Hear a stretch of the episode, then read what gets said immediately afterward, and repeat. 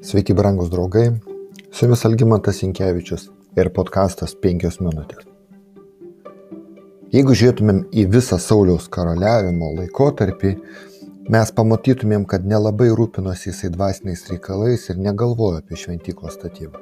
Dovydas savo valdymo laikotarpiu perkelęs Sandros skrynį į Jeruzalę pasidalino šventyklos statybos idėjomis ir planais su pranašu Natanu. Bet tada viešpas pasakė, kad ne Dovydas, o jo įpėdinis pastatys šventyklą. Antras Samuelio 7 skyrius. Karalius Dovydas nenusivylė, bet pradėjo ruošti medžiagą šventyklos statybai, kurios jam nebuvo lemta nei pastatyti, nei pamatyti. Jis tikrai be galo daug ruošėsi. Viešpatės nurodymų jis nusipirko žemės klypą iš Ornano Jebusiečio ant Morijos kalno, kur vėliau stovės šventykla. Antrą metrašių čia trečias skyrius. Tai buvo ta pati vieta, kur viešpas, jei galima tai sakyti, išbandė Abraomą ir kuris parodė puikų savo dieviškos malonės pavyzdį, kai Avinas užėmė Izaoko vietą ant aukuro, nurodydamas to pačiu ateinantį mesiją, kuris bus vadinamas Dievo vinėlis, kuris naikino pasaulio nuodėmę.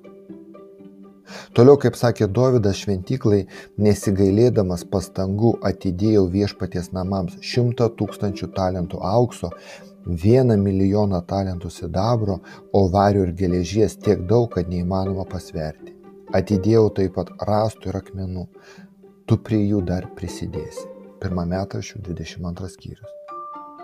Kaip manote, ar tai buvo didelė auka?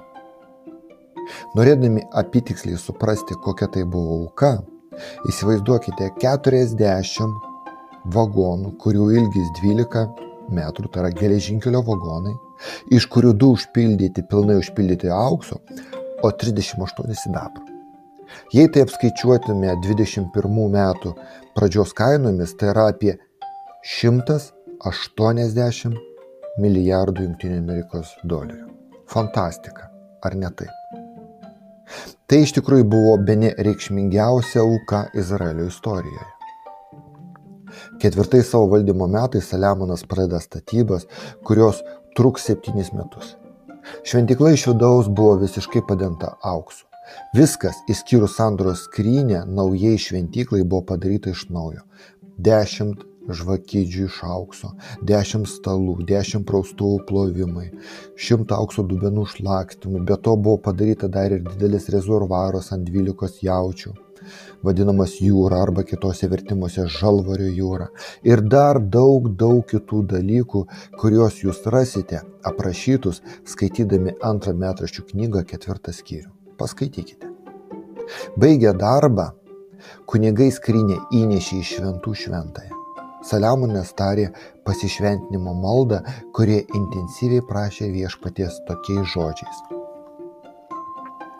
Te būna atviros tavo akis dieną ir naktį šiems namams, buveiniai, kurie tu apsigyvenai, apgyvendinai, apšau savo vardą, kad išklausytų maldą, kai tavo tarnas melsi šioje vietoje.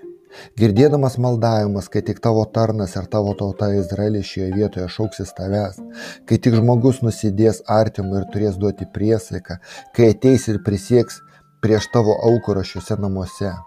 Jeigu tavo tauta Izraelis būtų priešų nugalėta, nes buvo tau nusidėjusi, bet sugrįžtų pas tave, išpažintų tavo vardą, siūstų maldą ir prašymą tau šiuose namuose Jeigu dangus būtų uždarytas ir nebūtų lietaus dėl to, kad jie to nusidėjo, bet vis dėlto jie melstusi šioje vietoje, išpažintų tavo vardą, grėžtųsi nuo savo nuodėmės, nes tu jos vargini.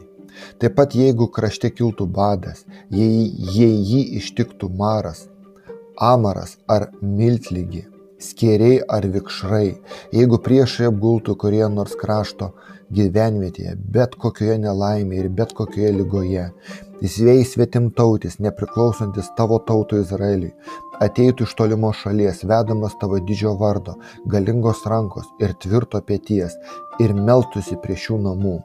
Kai tavo tauta eis į žygį prieš savo priešą, kad ir kokiu keliu tu jos besiūstum, ir melsis viešpačiui, atsisukiai į miestą, kurį tu išsirinkai, ir į namus, kurios tavo vardui pastačiau. Kai jie tau nusidės, nes nėra žmogaus, kuris nenusidėtų, ir tu supykęs atiduosi juos priešui, kad būtų išvesti toli ar arti į priešo kraštą. Jeigu krašte, į kurį bus, buvo išvesti, jie paims į širdį ir atsivers ir maldaus tavęs savo nelaisvės šalies sakydami, nusidėjome, užsitraukime kaltį, nedorai elgiamės.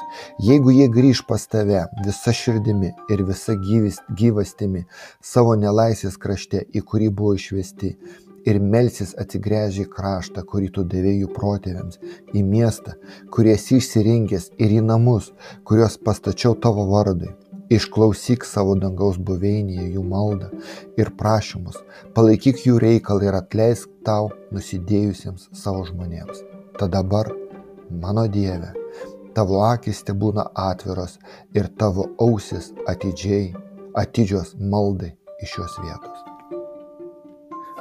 Kai Saliamonas baigė šitą maldą, ugnis nusileido iš dangaus ir prarijo deginamąją atnašą bei aukas, o viešpas, viešpatie šlovė užpildė šventyklą. Brangus draugai, tą dieną įvyko dar vienas Dievo stebuklas. Dievas, kurio dangus negali sutalpinti, apsigyveno tarp savo žmonių. Su jumis buvo penkios minutės ir Algymantas Yankiewicz.